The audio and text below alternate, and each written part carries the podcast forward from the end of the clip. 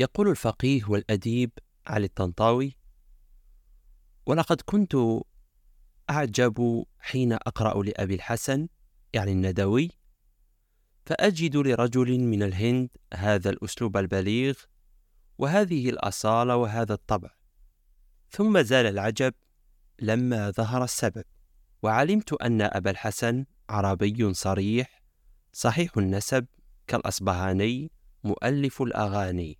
والأبيوردي الشاعر وهم قرشيان أمويان والفيروز أبادي صاحب القاموس. وإن خبر عربيته متواتر مستفيض في الهند. فمن هنا جاء هذا البيان الذي قل نظيره في هذه الأيام. وقد يشتغل غير العربي بعلوم العربية حتى يكون إماما فيها في اللغة والنحو والصرف والاشتقاق. وفي سعة الرواية. بل إن أكثر علماء العربية كانوا في الواقع من غير العرب ولكن من النادر أن يكون فيهم من له مثل هذا الذوق الأدبي الذي تعرفه لأبي الحسن. فلو لم تثبت عربيته بصحة النسب لثبتت بأصالة الأدب. أنا محمد مجواط وهذا بودكاست كتب ضاد. ألتقيكم كل أسبوعين لنسافر مع كتاب مختار ولأقدم مراجعة مختصرة وقيمة للكتاب.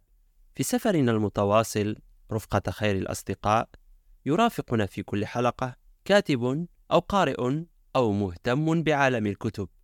في رحلة جميلة نصبر فيها أغوار بوابة الفكر والمعرفة. عزيزي المستمع من أجل أن تكون في الصورة أحيطك علما أن هذه الحلقة تتكون من جزئين. جزء أول لمراجعة الكتاب وجزء أخير للقاء ضيف الحلقة. عزيزي المستمع هذه حلقتنا الثالثة عشر وهذا رفيقنا الثالث عشر.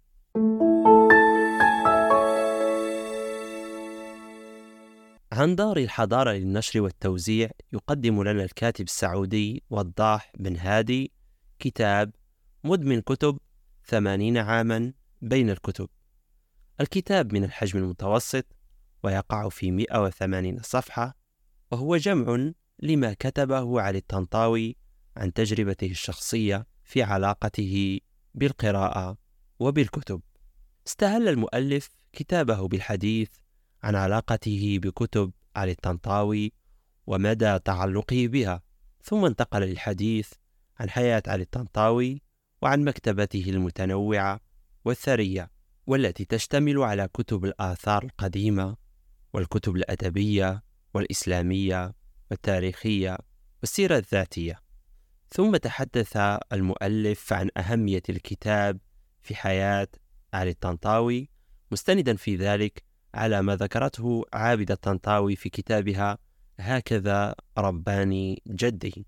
وخصص الكاتب بعد ذلك فصلين جمع في الأول ملخصا لحياة علي الطنطاوي بين الكتب وفي الثاني حديثه عن الكتب والكتاب وختم الكتاب بمقتطفات متفرقة من كتبه.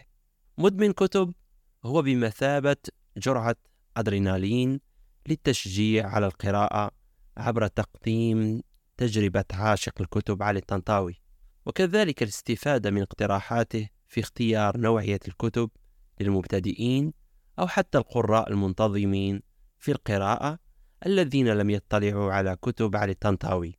فالكتاب دعوة لقراءة أعمال علي الطنطاوي الكثيرة والمتنوعة. عزيزي المستمع كانت هذه مراجعة مختصرة لكتاب مدمن كتب ثمانين عاما بين الكتب للكاتب السعودي وضاح بن هادي. أما الآن فسننتقل معا لنستمع للحوار الذي أجريناه مع ضيف هذه الحلقة. فرجة ممتعة.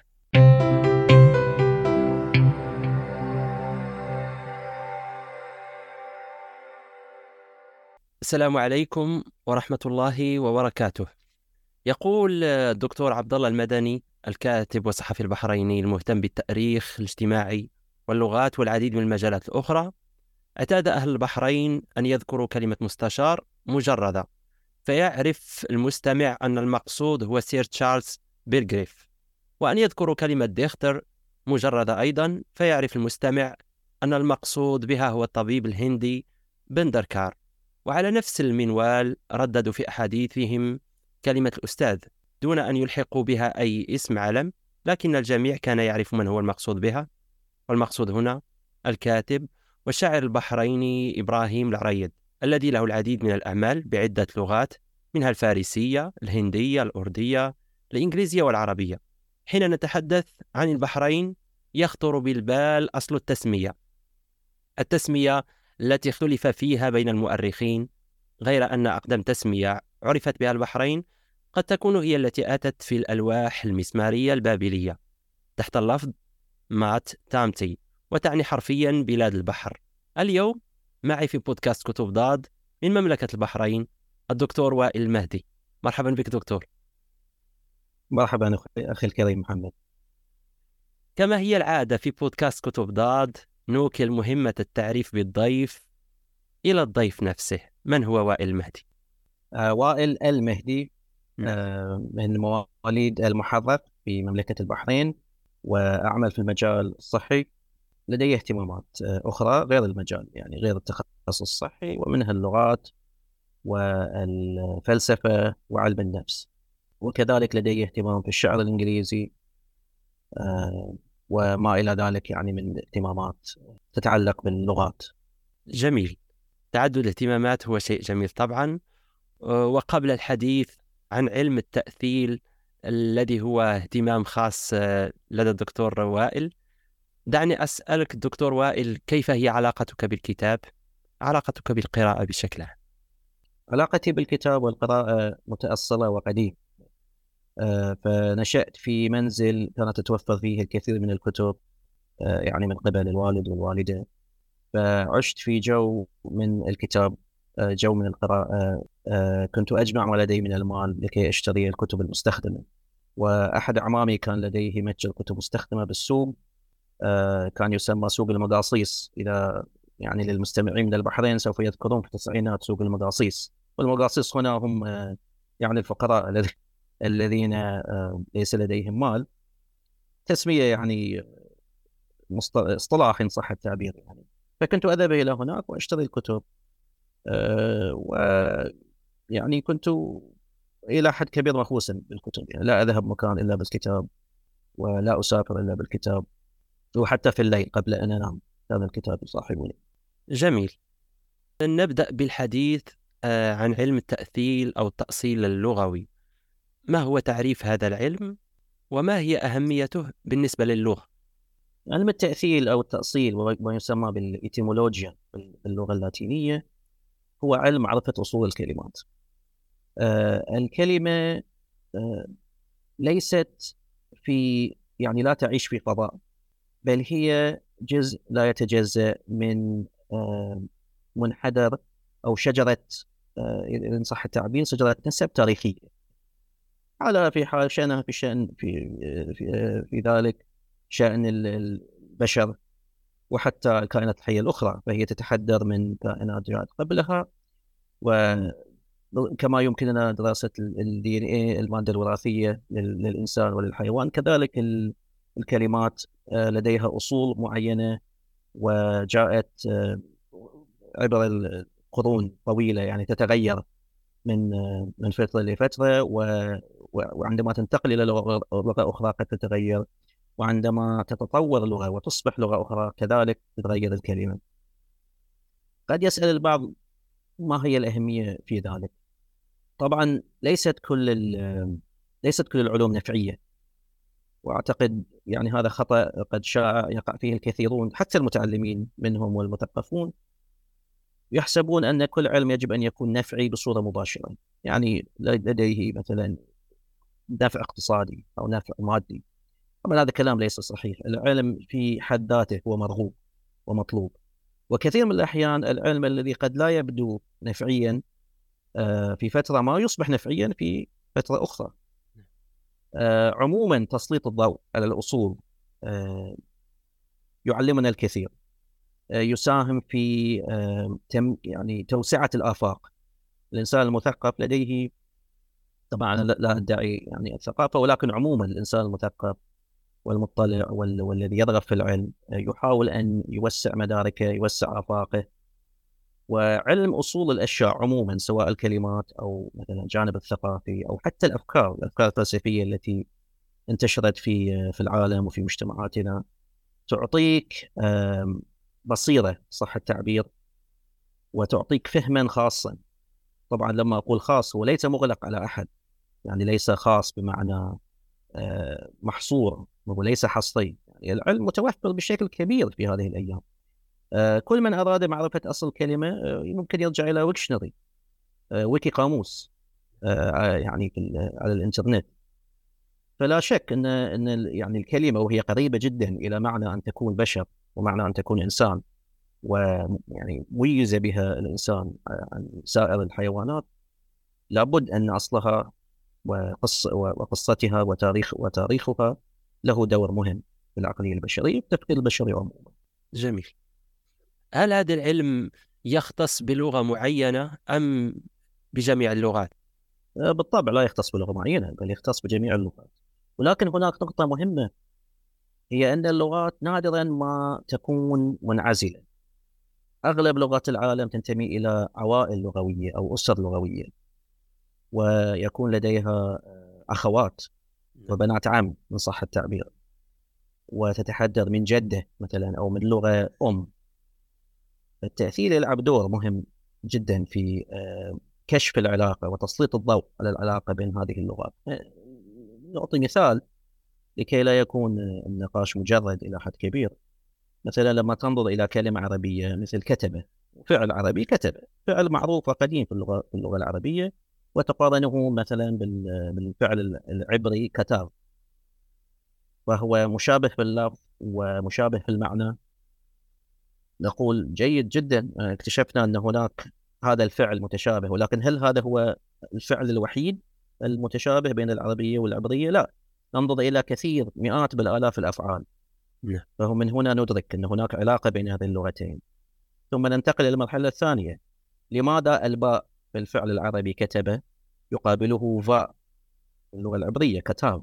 ونكتشف أنه ليس هذه الكلمة ليست هذه الكلمة الوحيدة. التي تقابل الباء فيها فاء ومن هنا نشكل صورة أوسع للعلاقة بين اللغتين وحتى أننا يمكننا أن نقد يعني نضع تقديرا زمنيا لهذه التغييرات ومدة المدة التي استغرقت هذه التغييرات وزمن انفصال اللغتين وتحدثهما من اللغة الأصلية. كل ذلك طبعا آه، يضفي آه، يعني جانب علمي آه، بالنسبة لنا مهم جدا يعني. فلا شك هي تنطبق على جميع اللغات منها اللغة السامية منها اللغات الهندو أوروبية وهي عائلة كبيرة جدا تضم الإنجليزية والفارسية والأردية والكثير من اللغات الأخرى.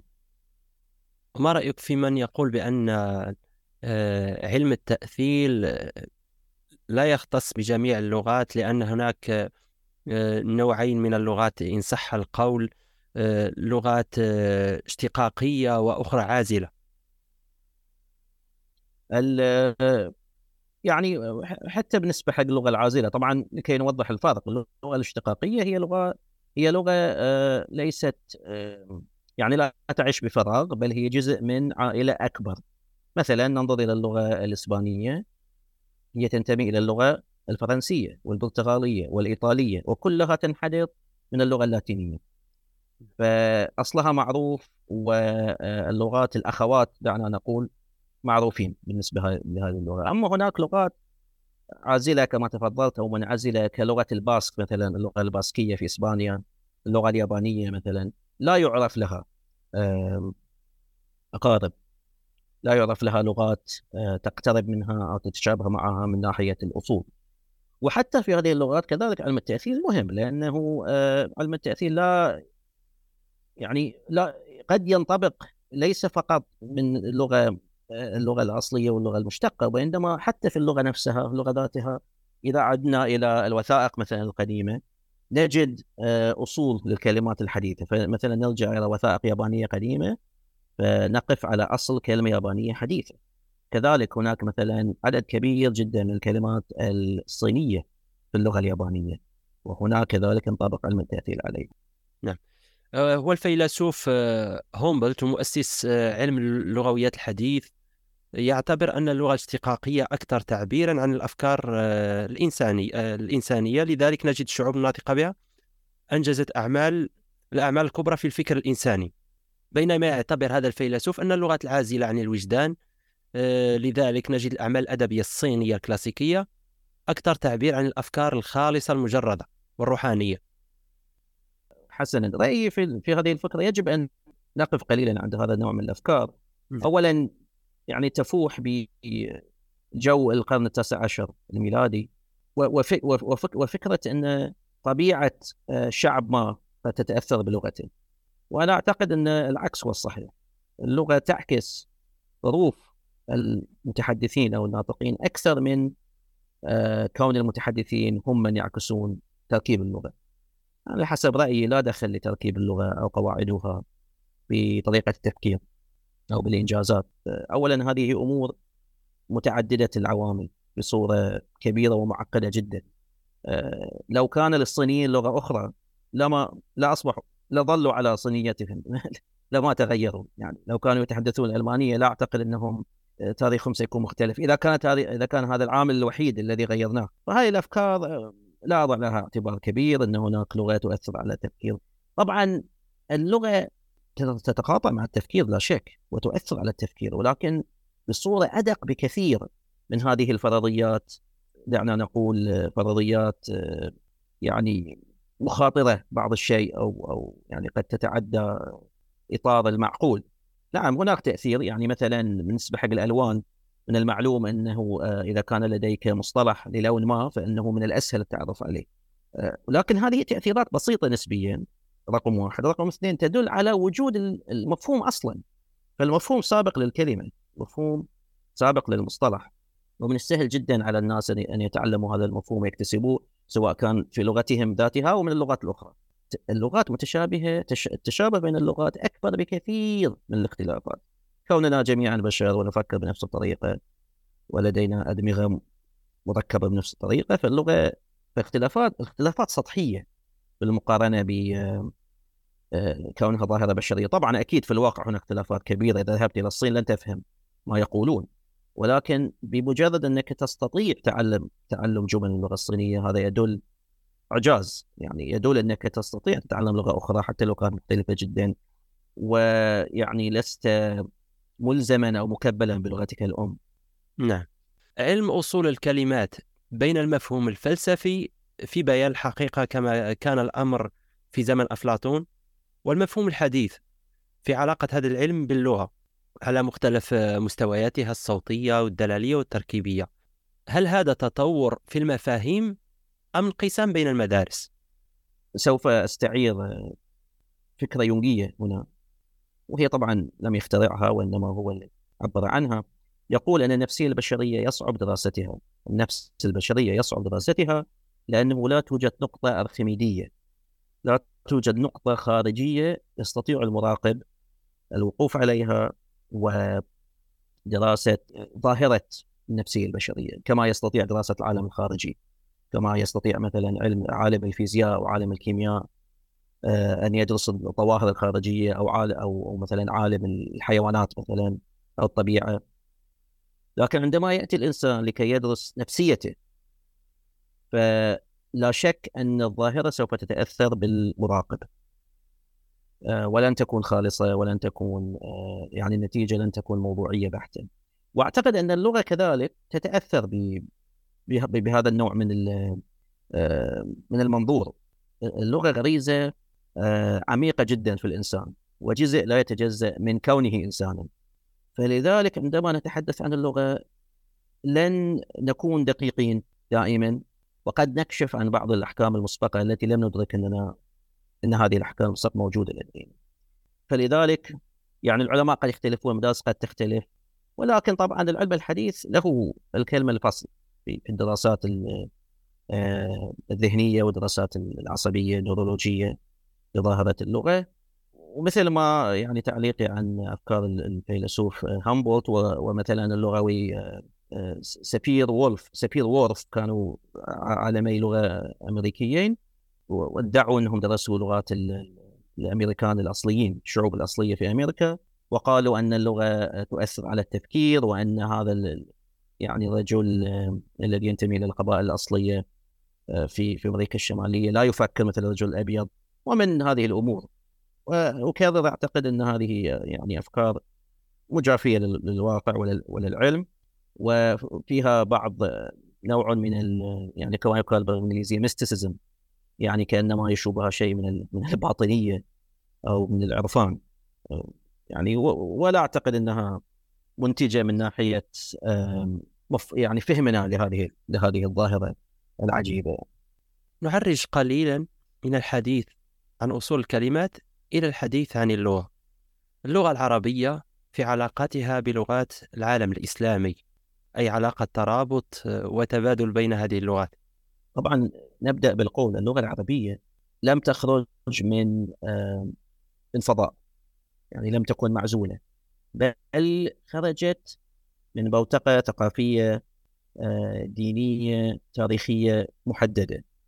اولا هي إحدى اللغات السامية واللغات السامية لها تأثير كبير على اللغات الأخرى. من ناحية تاريخية أكثر اللغات مؤثرة أو من أكثر اللغات تاثيرا على ثقافات العالم ولغات العالم الأخرى هي اللغات السامية منها اللغة العبرية ومنها اللغة الاكديه وهي طبعا لغة آه، بلاد الرافدين ومهد الحضارات في العراق جاءت قبلها السومرية، السومرية لغة معزولة ليست لغة سامية وجاءت بعدها اللغة الاكديه وهناك طبعا اللغة الأرامية التي أثرت على المسيحية واللغة السريانية التي هي أحد لهجات اللغة الأرامية والتي بالتالي أثرت على اللغة العربية. واللغة النبطية كذلك أثرت على اللغة العربية.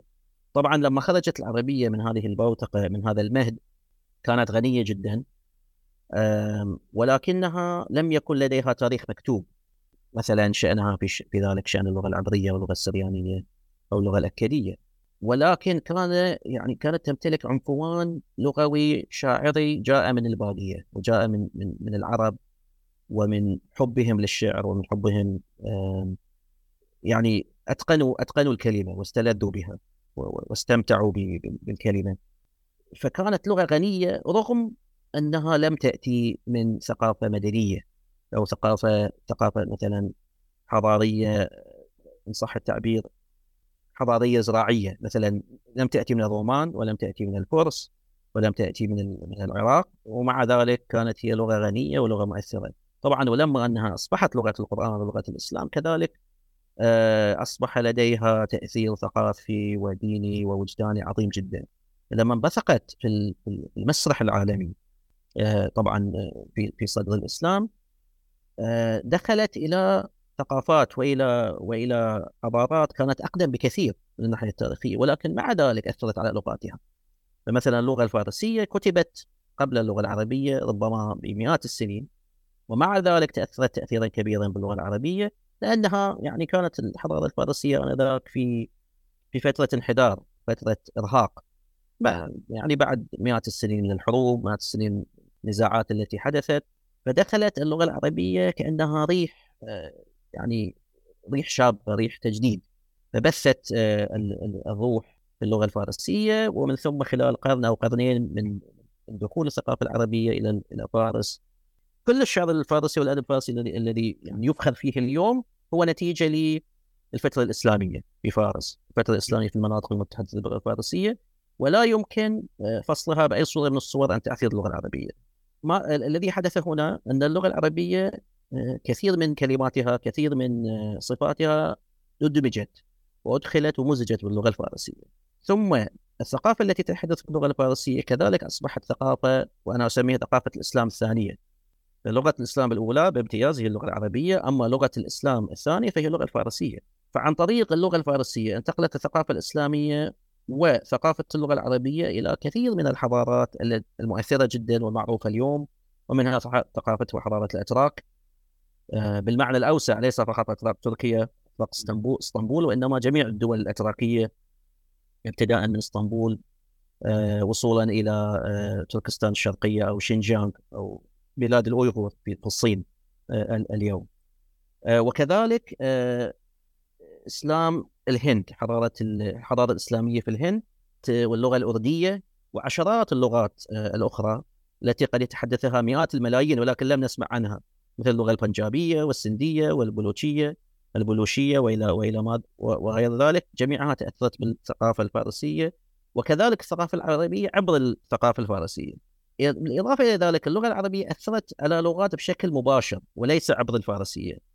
عبر الفارسية ومنها اللغة الإسبانية واللغة الماليزية واللغة السواحلية في أفريقيا في في في آه، شرق أفريقيا. وطبعا التأثير الأكبر والأهم هي أنها أصبحت لغة لمئات الملايين من من, من الأفراد في شعوب لم تتحدث اللغة العربية سابقا. ومنها مثلا آه، شمال أفريقيا قبل الفترة الإسلامية لم تتحدث اللغة العربية ومنها مناطق أخرى. إلى أن يعني يتحدثها تقريبا 300 مليون شخص اليوم. فتأثير اللغة العربية تأثير عظيم جدا وأنا أعتبرها إحدى اللغات الكلاسيكية. يعني تصل في في آه، مستواها مستوى اللغة العربية من ناحية التأثير الحضاري والثقافي يصل إلى مصاف اللغة اللاتينية واليونانية والصينية والسانسكريتية وهي اللغات الكلاسيكية الرئيسية في العالم القديم. جميل. نحن تحدثنا عن آه، تأثر لغات أخرى باللغة العربية. ماذا عن تأثر اللغة, اللغة العربية بلغات أخرى؟ آه، هذا موضوع جميل جدا. طبعا اللغة العربية من اللغات التي لا ترغب في التأثير الخارجي عموما اللغات السامية التي كما اسلفنا تنتمي والفارسيه والعبريه آه، آه، عذرا ليس الفارسيه العربية والعبرية والسريانية والأرامية والأكدية والبونيه كذلك كانت كانت يتحدثونها في منطقه في منطقتكم يعني في منطقة شمال أفريقيا. عموما هذه اللغات آه، بسبب تركيب الفعل فيها لا تستقبل الكلمات الخارجية بشكل سهل وسلس. هناك لغات مثلا آه، من السهل جدا أنها تستقبل كلمات خارجية أجنبية تقترض هذه الكلمة وتصبح كلمة وتصبح جزء من اللغة. مثلا اللغة الفارسية اقترضت آلاف الكلمات العربية. كذلك اللغة الهندية اللغة الإنجليزية. اقترضت آلاف الكلمات الفرنسية واللاتينية واليونانية وبذلك تغيرت تغير طابعها. أما اللغة العربية قديما وإلى حد ما في عصرنا بالرغم من أن اللهجات العربية الحديثة قد أخذت كثير من الكلمات الأجنبية ولكن عموما اللغة العربية لا تميل آه، إلى التأثر باللغات الأخرى. كما قلنا لأن الفعل السامي يتكون من ثلاث من ثلاث كلمات الجذر الفعل عادة يتكون من ثلاث حروف وفي بعض الأحيان أربع حروف. وعموما من من الصعب أن نأخذ فعل من لغة أجنبية. ولكن هناك بعض الأفعال مثل يقال في اللغة العامية كنسل مثلا يعني كنسل يعني شطب أو أو كيف كيف نترجم فعل كنسل؟ ألغى. ألغى بالضبط بالضبط ألغى. مثلا. هناك يعني بعض ال بعض ال بعض الأفعال. ولكن الاجابه على سؤالك اللغة العربية عموما لغة محافظة جدا. يعني اللغة العربية الفصحى خصوصا جدا محافظة حتى بالمقارنة باللغة العبريه وهذه مفارقة غريبة إن اللغة العبريه كتبت قبل العربية بألف سنة تقريبا ولكنها قواعدها ليست محافظة.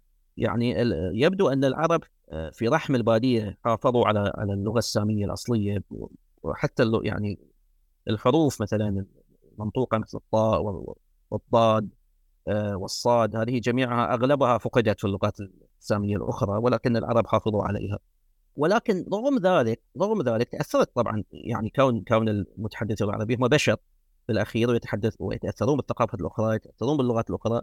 طبعا لا شك هناك تأثير آه، خارجي على اللغة العربية حسب تقديري أكبر أكبر تأثير أكبر مصدر تأثير على اللغة العربية خصوصا اللغة العربية الفصيحة ما قبل الإسلام. جاء من لغة سامية أخرى وهي كما قلنا آه، اللغة الأرامية السريانية. فاللغة السريانية كانت رائجة وقوية جدا في الهلال الخصيب يعني في شمال المناطق العربية. واللغة العربية اقترضت الكثير من الكلمات منها. ولكن قد لا نستطيع تمييز ذلك. لماذا؟ لأنها هي كذلك هي الأخرى لغة سامية. فكذلك يعني تقوم على نفس المبادئ اللغة العربية. ولديها كلمات بثلاثة حروف. آه، هي يعني الجذر يتكون ثلاثة حروف. فقد لا نميزها اليوم ولا نعلم يعني نشكك هل هي عربية أصيلة أم أنها مأخوذة من من السريانيه وهناك كثير كذلك تأثيرات أخرى ولكنها أقل بكثير. مثلا هناك بضع كلمات آه، يونانية مثل كلمة أسطورة مثلا يقال انها كلمة يونانية وبعض الآخر يقول إنها كلمة عربية من سطرة. آه في كلمات لاتينية كذلك هي قليلة جدا في اللغة العربية. آه، كثير منها لها طابع ديني مثلا يعني المسيحيين آه، الذين يتحدثون اللغة العربيه استخدموا بعض الكلمات اليونانية واللاتينية وهنالك كذلك تأثير فارسي على اللغة العربية ولكنه أقل بكثير من تأثير العربية على الفارسية. يعني الكلمات الفارسية الموجودة في اللغة العربية أقل بكثير من الكلمات العربية الموجودة في اللغة الفارسية. وهي فقط تستخدم لوصف آه، مفاهيم جديدة ومنتجات ومثلا بضائع خلينا نقول أو أو أو ظواهر آه، مثلا ثقافية جديدة لم تكن موجودة عند العرب. بينما الكلمات العربية الموجودة في اللغة الفارسية تصف جميع أنواع المفاهيم. مفاهيم يومية، مفاهيم فلسفية، مفاهيم مجردة، مثلا كلمة خندق معروفة حادثة الخندق التاريخ الاسلامي هي كلمة فارسية. آه، لماذا؟ لأنه حسب ما يقال في الرواية أن سلمان الفارسي هو الذي آه، أشار بهذه الفكرة وخندق هي من من من الفعل الفارسي موجود إلى يومنا هذا كاندن باللغة الفارسية يعني حفر بمعنى حفرة أو حفورة. فكما ترى أن هذه الكلمة تصف ظاهرة معينة ومحدودة. وهناك كلمات أخرى مثلا يقال أن كلمة خوذه كلمة فارسية يقال أن كلمة هودج كذلك كلمة فارسية وهناك كلمات فارسية أخذت فيما بعد آه، في الفترات الإسلامية مثل كلمة برنامج وهي من برنامج يعني ليست من برنامج وإنما من برنامج.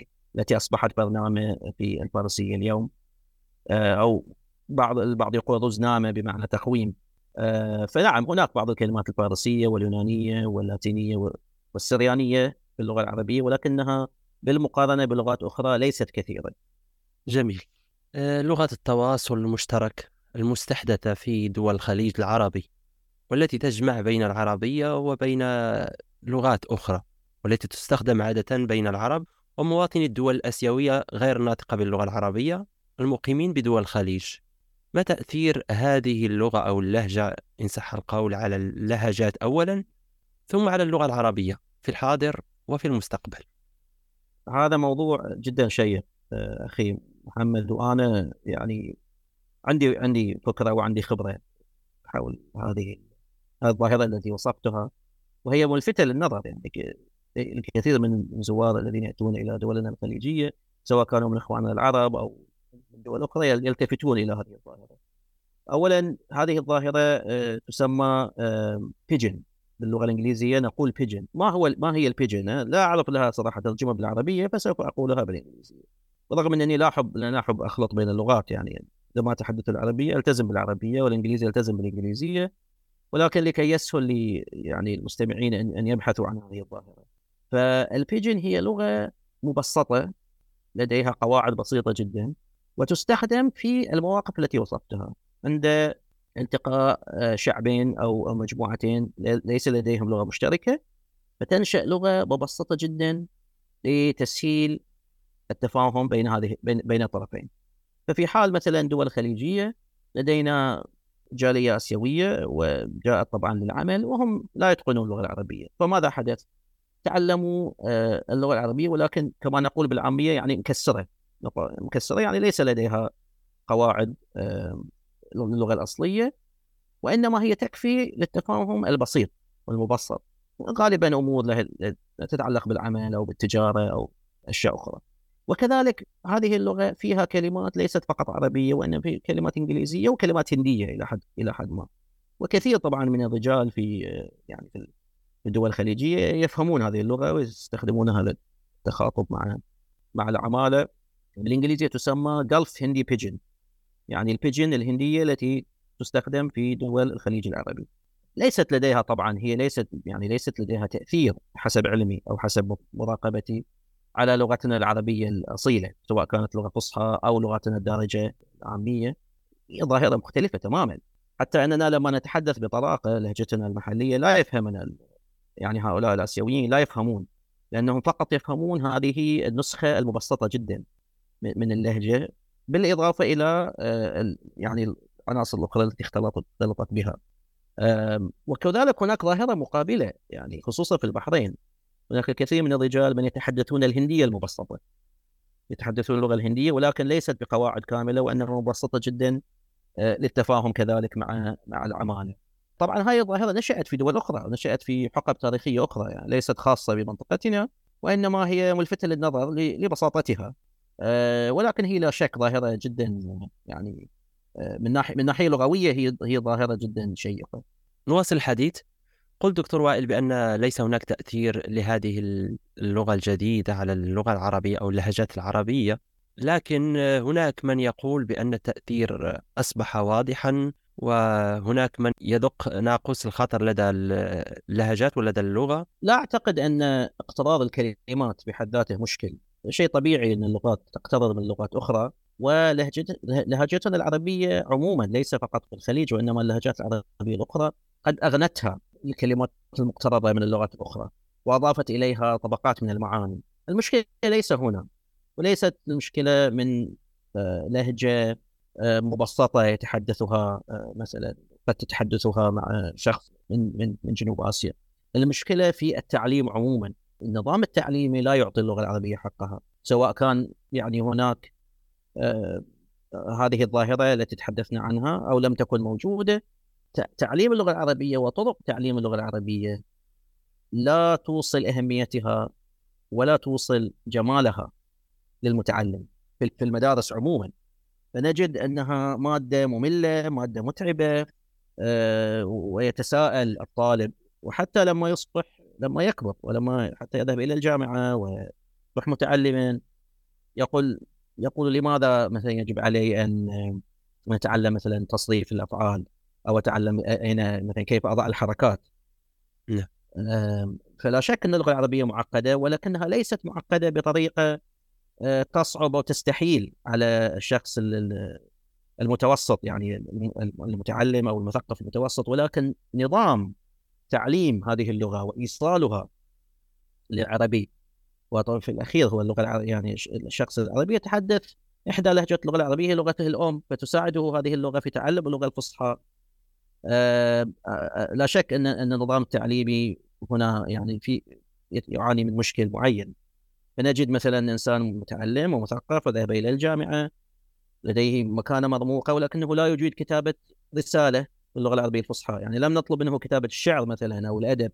نعم. فلا شك أن هذا الخطر أكبر بكبير من يعني لهجة مبسطة غدا قد تنسى أو أو ليست مكتوبة أصلا وليست لها تأثير ثقافي أو أو علمي. وهناك خطر آخر وهو الأكبر بكبير بكثير. من هذه الظاهرة وهو طبعا تأثير اللغة الإنجليزية. تأثير اللغة الإنجليزية اللغة الإنجليزية ليست لهجة مبسطة يتحدثها مثلا رجل من الهند أو رجل من بنغلاديش. هي لغة حضارية قوية جدا آه، مؤسس لها من قرن أو أكثر ويعني لم لم تكن قوية من فراغ. يعني قوة اللغة الإنجليزية كما كانت سابقتها اللغة الفرنسية لم يأتي من فراغ ولم يأتي بشكل عشوائي. لم يجلس مثلا مثلا بضعة أفراد في غرفة ما وقالوا قرروا نجعل دعنا نجعل اللغة الإنجليزية لغة عالمية. لا قوة اللغة الإنجليزية تأتي من قوة متحدثيها. يعني الولايات المتحدة الأمريكية وقبلها بريطانيا وتاثيرهم الثقافي تاثيرهم الحضاري الاقتصادي التعليمي كل هذا جعل اللغة الإنجليزية لغة عالمية بامتياز من المكان الأولى. وطبعا نشوء الإنترنت آه، ومن المعلوم يعني لا أريد ان أخطئ في هذه في هذا الرقم ولكن يقال أن ما يقارب 90% إلى 8% من من الشبكة العالمية هي لغه باللغة الإنجليزية. الإنترنت الشبكة العالمية أدخلت اللغة الإنجليزية إلى البيوت. يعني لما كنت أنا في مثلا في المرحلة الإعدادية مرحلة أو يقال المتوسطه أو الثانوية كان معظم زملائي لا يتحدثوا اللغة الإنجليزية ولا يعلمون منها إلا البسيط جدا. آه، وكانوا لا يتعلمون الإنجليزية إلا في الجامعة. آه، وبسبب أنني كنت ساكنا في الخارج يعني كنت أعرف اللغة الإنجليزية ليس يعني عبقرية مني وإنما الظروف يعني ساعدتني في ذلك فكنت مميز اعتبر أنني جيد الإنجليزية وأنا في مثلا في المرحلة المتوسطة لما كنت في الخامسه عشر أو السادسه عشر أما الآن فحتى الأطفال والشباب الذين لم يذهبوا إلى مدارس خاصة ولا يتعلموا عند جانب يتحدثون الإنجليزي بطلاقة من اليوتيوب مثلا من مشاهدتهم للمسلسلات والأفلام. يعني التضاريس اللغوية تغيرت في مجتمعاتنا. وأصبحت اللغة الإنجليزية شائعه جدا ورائجه جدا أكثر بكثير من حتى قبل 10 سنين أو 15 سنة. وهذا سوف يكون لديه تأثير. يعني هناك ظاهرة نشأت لم تكن موجودة. يعني هناك مثلا أطفال الآن لا يتحدثون العربية بطلاقة في بعض الدول العربية. وهم يعني من من أب وأم عربيين ليسوا مثلا من أصول أجنبية ومع ذلك قد يفهمون العربية ولكن لا يتحدثونها أو يتحدثونها ولا يكتبونها أو يتحدثونها ولكن لا يجدونها بطلاقة يعني أو أو أو, أو وهناك كذلك تأثيرات آه، ليست ملحوظة وهنا يعني الموضوع الاسوء إذا شخص لا يتحدث العربية بطلاقة فهذا الشيء ملحوظ ولكن هناك أشخاص مثلا يتحدثون العربية تمام يعني يتفهمون باللغة العربية ولكن لا يعرفون الأمثال. لا يجدون الأمثال لا يجدون التعابير. يعني أنا لما نشأت في بيت آه، جدي وبيت جدتي كانت اللغة الدارجة حية وغنية جدا. وأنا أتخيل الوضع عندكم كذلك في المغرب. يعني لديكم ليست فقط لغة دارجة واحدة وإنما كثير من اللغات تعتمد على المنطقة. لديكم تعابير لديكم أمثال لديكم قصص. يعني مثلا يعني جدتي كانت لديها مثل وبيت شعر برغم انها كانت أمية ولكن مع ذلك كانت حافظتها قوية جدا وكان لها مثل بيت شعر لكل موقف لديها مثل لكل موقف لديها قصة فولكلورية. أه وقد ترسخت هذه الأمثال والقصص في ذاكرتي رغم أنني لم أعاصرها طويلا. أما الآن الكثير من الشباب قد يتحدثون العربية بطلاقة ولكن مجرد أنك تستخدم كلمة دارجه قديمة بعض الشيء لا يعرفونها أو يستبدلون الكلمة آه، بكلمه حديثة أو بكلمة أجنبية. فيعني أنا استغرب من ذلك. للأسف الكثير من الشباب فقدوا هذه هذه الثراء ثراء الفولكلوري الثراء الشعبي. يعني ليست اللغة العربية فقط آه، مخزن للثراء الأدبي آه، كونها لغة فصحى وكونها تحتوي على الشعر والأدب من 1400 سنة. إنما كذلك لهجت لهجتنا المحلية الدارجه لديها ثراء ثقافي عظيم وثراء فولكلوري وشعبي وهناك فيها حكمة وفيها اشعار لا تجدها حتى باللغة الفصحى. وكنا نتعلمها جميعا من من معاصرة الآباء والأمهات والأجداد. أما الآن ينعزل الطفل ربما في منزل واحد يعني في في في مجال الأسرة النووية ولا يتعلم آه، هذه الأمثال والقصص شيء مؤسف يعني أنا ارى بين اللغة العربية الفصحى الكلاسيكية واللغة العربية المعيارية الحديثة المستخدمة في الإعلام بشكل خاص هناك الكثير من الخلط ومعه يأتي التقهقر في استخدام المصطلحات والعبارات. هل يضعف هذا اللغة من حيث استعمال واستخدام مفردات قليلة ومتكرر؟ طبعا اولا اولا دعنا نوضح هذا. يعني هذه التعريفات لأن كثير من متحدثي اللغة العربية غير مطلعين آه، على هذا الفرق أو ينكرون وجود هذا الفرق. اللغة العربية الفصحى أو اللغة العربية المكتوبة يعني ليست جسد واحد بل هناك اختلافات حسب الأسلوب واختلافات حسب آه، الأزمنة. فطبعا لغة القرآن هي طبعا لا شك إنها أرقى أشكال اللغة العربية وأرقى يعني أنماطها وتفرعت عنها اللغة العربية الفصحى التي كان أو كما أنت وصفتها الكلاسيكية التي كانت تستخدم في العصور الوسطى في يعني في بدايات الفترة الإسلامية وصولا طبعا إلى ما قبل الفترة الحديثة. آه وهذه اللغة معروفة يعني كانوا يستخدموها العرب وكذلك غير العرب ومن الملفت أن يعني النحوي الذي سطر وشرح مبادئ هذه اللغة وقواعدها كان فارسيا وهو سبويه يعني العالم سيبويه. وكذلك يعني كان دقيق جدا حيث ان إن شرح مثلا طريقة لفظ حرف الضاد. يعني أنت البودكاست أخي محمد بودكاستك اسمه بودكاست ضاد. طبعا معروف إن حرف الضاد حرف مميز جدا ولا يلفظه جميع العرب بنفس الطريقة يعني على فكرة. نحن في الخليج قد نلفظه بطريقة مختلفة عن مثلا إخوتنا في مصر. فهذا العالم الفارسي هو شرح طريقة لفظ حرف الضاد في تلك الأزمان. نعود إلى إلى موضوعنا الرئيسي.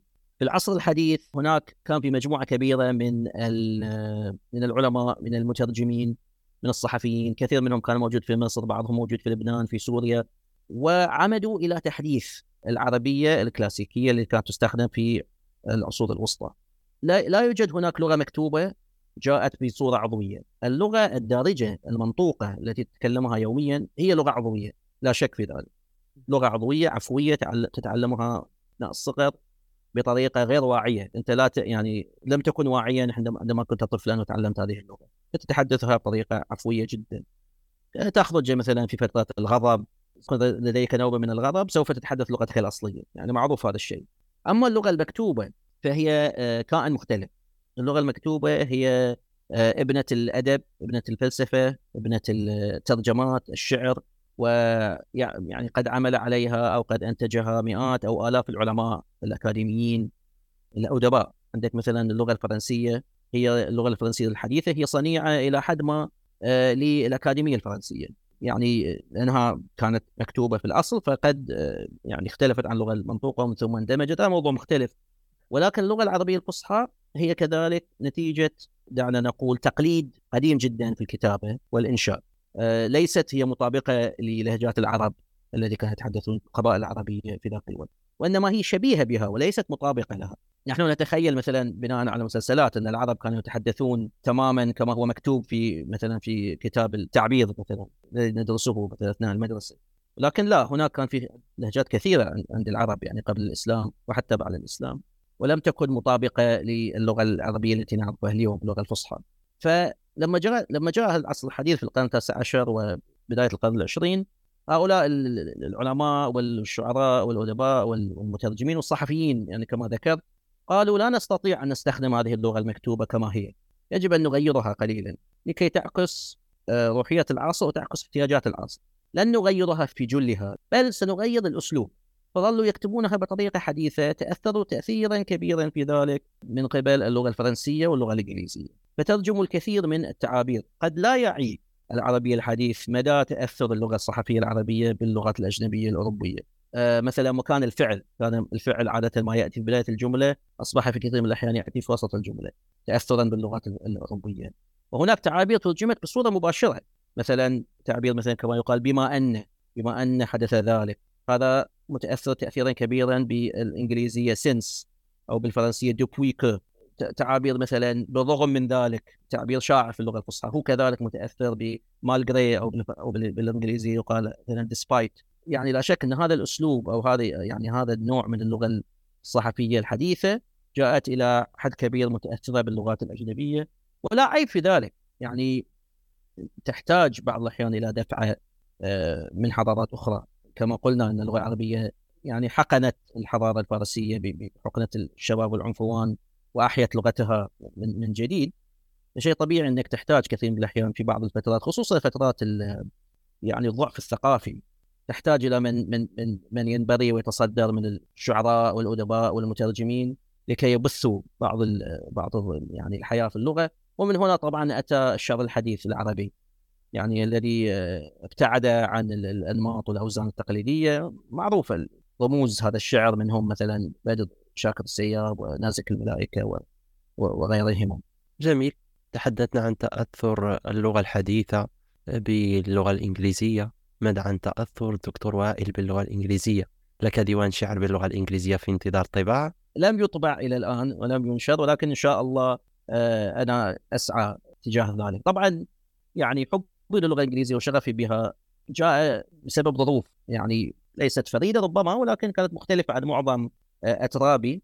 أبي والدي كان يدرس في الولايات المتحدة فلذلك أنا عشت في الولايات المتحدة فترة من يعني من طفولتي قضيت فترة من طفولتي هناك. فتعلمت اللغة يعني منذ نعومة أظفاري وأصبحت لغتي الثانية، لغتي الأولى طبعا هي اللغة العربية، لغتي الثانية هي اللغة الإنجليزية. فعلاقتي بها ليست علاقة آه، متعلم يعني مثلا تعلم أثناء الكبر أو هي ليست لغة أجنبية بالنسبة لي. فهي متعمقة جدا في نفسيتي وأحبها كثيرا، لماذا؟ لأن فيها طبعا أدب جميل، فيها كتابات، فيها كتب مميزة. ولكن أفضل دائما أن أقرأ الشيء بلغته الأصلية، فإذا كان مثلا هناك أثر عربي اريد قراءته مستحيل أن أذهب إلى الترجمة الإنجليزية سوف أقرأه باللغة العربية لأني كذلك أستمتع باللغة العربية ولكن وجدت أن هناك ما اريد التعبير عنه آه، في كتابتي لي يعني أستحي أن أقول شعرا ادعي انني شاعر لأنها كلمة كبيرة لا يعني ومن لا يستطيع الشخص أن يطلقها على نفسه بل يجب على الآخرين أن أن, أن يطلقوا يعني هذا اللقب عليه لأنه ليس من السهل وليس من البسيط أن تكون شاعرا، الشاعر الحقيقي هو من يعني خلينا نقول يبوتق روحية العصر ويقننها في كتاباته، لذلك يجسد يعني ويحافظ على قطعة من من من, من التجربة البشرية في كتاباته. يعني لذلك أنت لا تستطيع أن تدعي أنك شاعر بل الآخرين، الآخرون هم من, من يطلقون ذلك عليك. ولكن وجدت إنني لما أكتب آه، الأبيات كان من الأسهل أن أعبر عن ما أريد أن أعبر عنه باللغة الإنجليزية. ومن ناحية أخرى لم أشعر أنني متمكن من ال من ال من الشعر العربي بما فيه الكفاية لكي أعطيه حقه. يعني خجلت بعض الشيء من أنني أطوع العربية آه، في الشعر لأنني اولا لن أستطيع أن أعبر عن نفسي بالطريقة التي أريدها من ناحية ثانية كذلك سوف أكون ظالما للغة نفسها وقد لا أص... قد لا أوصل الرسالة التي أريدها لأن الرسالة التي أريد ايصالها أريد ايصالها إلى العالم يعني لا نقول العالم بأكمله وإنما جزء كبير من العالم وهو يتحدث الإنجليزية. وصلنا الآن لفقرة آه، ثلاثة في ثلاثة نعم وهي بمثابة فقرة لتقديم ترشيحات للمستمع والمشاهد. مستعد دكتور وائل؟ مستعد؟ باختصار آه، ثلاث كتاب تعطيهم الدرجة الكاملة نظير ما قدموه من أعمال. آه، اولا أبدأ بالفيلسوف آه، فريدريش نيتشه كما ذكرت. فيلسوف جدا مؤثر وتنبأ بالعصر الحديث وتنبأ بمسار الفلسفة. آه، بعد ذلك الكاتب أو عالم النفس السويسري كارل يونغ أثرت كثيرا بأعماله وأثرت على حياتي بشكل كبير. وثالثا ستيفن بينكر وهو كاتب كندي وكتب كتب تشرح كيفية عمل الذهن. يعني هناك كتاب مشهور له يسمى How the Mind Works كيف يعمل الذهن قد قرأته عندما كنت في السابع عشر وأثر كثيرا على على تفكيري يعني حسست حسست أنه نور نورني بكثير من الأفكار. جميل من الكتاب إلى الكتب ثلاث كتب كان لها الأثر الكبير على دكتور وائل. طبعا يعني يعني لا شك أنه طبعا القرآن الكريم كان له تأثير كبير وطبعا الأحاديث يعني وهذه طبعا نوع من الكتابات المقدسة لها تأثير كبير علينا. ولكن إن استثنينا تلك الكتابات فأبدأ بالمعلقات معلقات السبع العربية. آه، قرأتها حينما كنت في الابتدائية وأثرت علي تأثيرا كبيرا ويعني نقلتني إلى عالم العرب آنذاك عالم يعني مفعم بروح الإثارة والحماس والملحمية فأحببته كثيرا. آه، أما الكتاب الثاني فهو أرجع نعود إلى نيتشه. هو كتاب كيف هكذا تحدث زرادشت آه، وهو كتاب فلسفي لا ليس له علاقة بالزردشتية وإنما اسمه سمي كذلك لأسباب خاصة. والكتاب الثالث آه، عجبني كثيرا كتاب جبران خليل جبران وهو النبي كتاب النبي أو الرسول Prophet. كتاب شاعري يعني أثر علي كثيرا. ممتاز. وصلنا للثلاثة الأخيرة. ثلاث عبارات مقتبسة من كتب لا تكاد تغادر دهن وائل. جيد. هناك تعبير جميل آه، من فن الخيمياء. كما نعلم فن يعني راج في العصور الوسطى وحاولوا حاول العلماء عن طريق تحويل الذهب أو تحويل النحاس إلى ذهب. يقال آه، العمر قصير والصنعة طويلة. الصنعة هنا هو في الخيمياء والعمر قصير يعني. فينطبق ليس فقط على الخيمياء وإنما على كثير من الأمور التي نتعلمها والعلم عموما لا يوجد لدينا بما يكفي من الوقت. وهناك كذلك اقتباس لشاعر أمريكي ولكن نسيت ما هو اسمه. يقول لا توسخ أو المكان الذي تأكل فيه. يعني المكان الذي فيه رزقك وعملك لا تقوم بما هو يعني غير مقبول فيه. لا يعني لا تشوه أو لا تسيء لهذا المكان. أما المصطلح الثالث ف أو دعنا نقول العبارة الثالثة آه، عبارة لطيفة يعني من هناك كاتب شاع كثيرا في في بداية الألفينات نسيت اسمه فدائما يقول ابدع بأصعب مهمة. هو عبر عنها قال ابدأ بأكل آه، الضفدع الكبير. قبل الضفدع الصغير. يعني ابدا لأن الضفدع يعني شيء مقزز لا تريد أن تأكله. فأبدأ دائما بالمهمة الأكبر المهمه الأصعب وعندما تقضي عليها تستطيع أن تركز على المهام الأصغر. أرجو طبعا عجبتكم هذه العبارات يعني. لا كنت أتمنى أن تكون فلسفية أكثر ولكن هذا ما جادت به الذاكرة. رسالة توجهها إلى الشباب العربي قبل الختام. جيد جدا. طبعا أنا لا يعني ليس لدي ما يكفي من من الغرور من الكبر آه لكي أتخيل انني أعلم أحدا. ولكن لا يمنع أن الواحد يستفيد من غيره. فأنصح بحب العلم شغف العلم الاطلاع على عموما على العلوم فهم أصول الأشياء التعمق في الثقافة التعمق في اللغة الابتعاد عن الجهل الابتعاد عن يعني الفهم السطحي للأمور. وكذلك تقبل الآخر هو جميل جدا التعرف على الثقافات الأخرى. أن يكون لك يعني عقلية خلينا نقول مفتوحة ولكن دون التخلي عن ثقافتنا وعن حضارتنا وعن قيمنا سواء كانت القيم العربية أو الإسلامية. لأنه بدون يعني قال باللهجة البحرينية اللي ما له أول ما له تالي. يعني بدون آه، الأساس لن يكون لديك مستقبل. من الجميل جدا أن نتقبل الآخر ونتعرف على الآخرين ولكن ليس على حساب ثقافتنا. آه، يعني أرجو أن يكون فيما قلت بعض الفائدة. شكرا جزيلا دكتور وائل. سعدت بقبولك الدعوة وسعدت بهذا اللقاء الشيق. أتمنى أن تكون كذلك قد استمتعت بالحوار. شكرا أخي محمد. يعني ما شاء الله مبادرة جميلة من من من لدنك وأرجو أن أن تواصل عليها. شكرا. بودكاست كتب ضاد مساحة للشباب ولكل شغوف بلغة الضاد شكرا مرة أخرى دكتور وائل وإلى فرصة قادمة بإذن الله. عزيزي المستمع عزيزي المشاهد كنت في الاستماع للحلقة الثالثة عشر من بودكاست كتب ضاد. وفي انتظار الحلقة القادمة قم بتسجيل موعدها على مذكرتك. تابع حساباتنا عبر مواقع التواصل الاجتماعي. اشترك في قناتنا عبر يوتيوب. ولا تنسى مشاركة هذه الحلقة مع أصدقائك المهتمين بعالم الكتب. إلى اللقاء.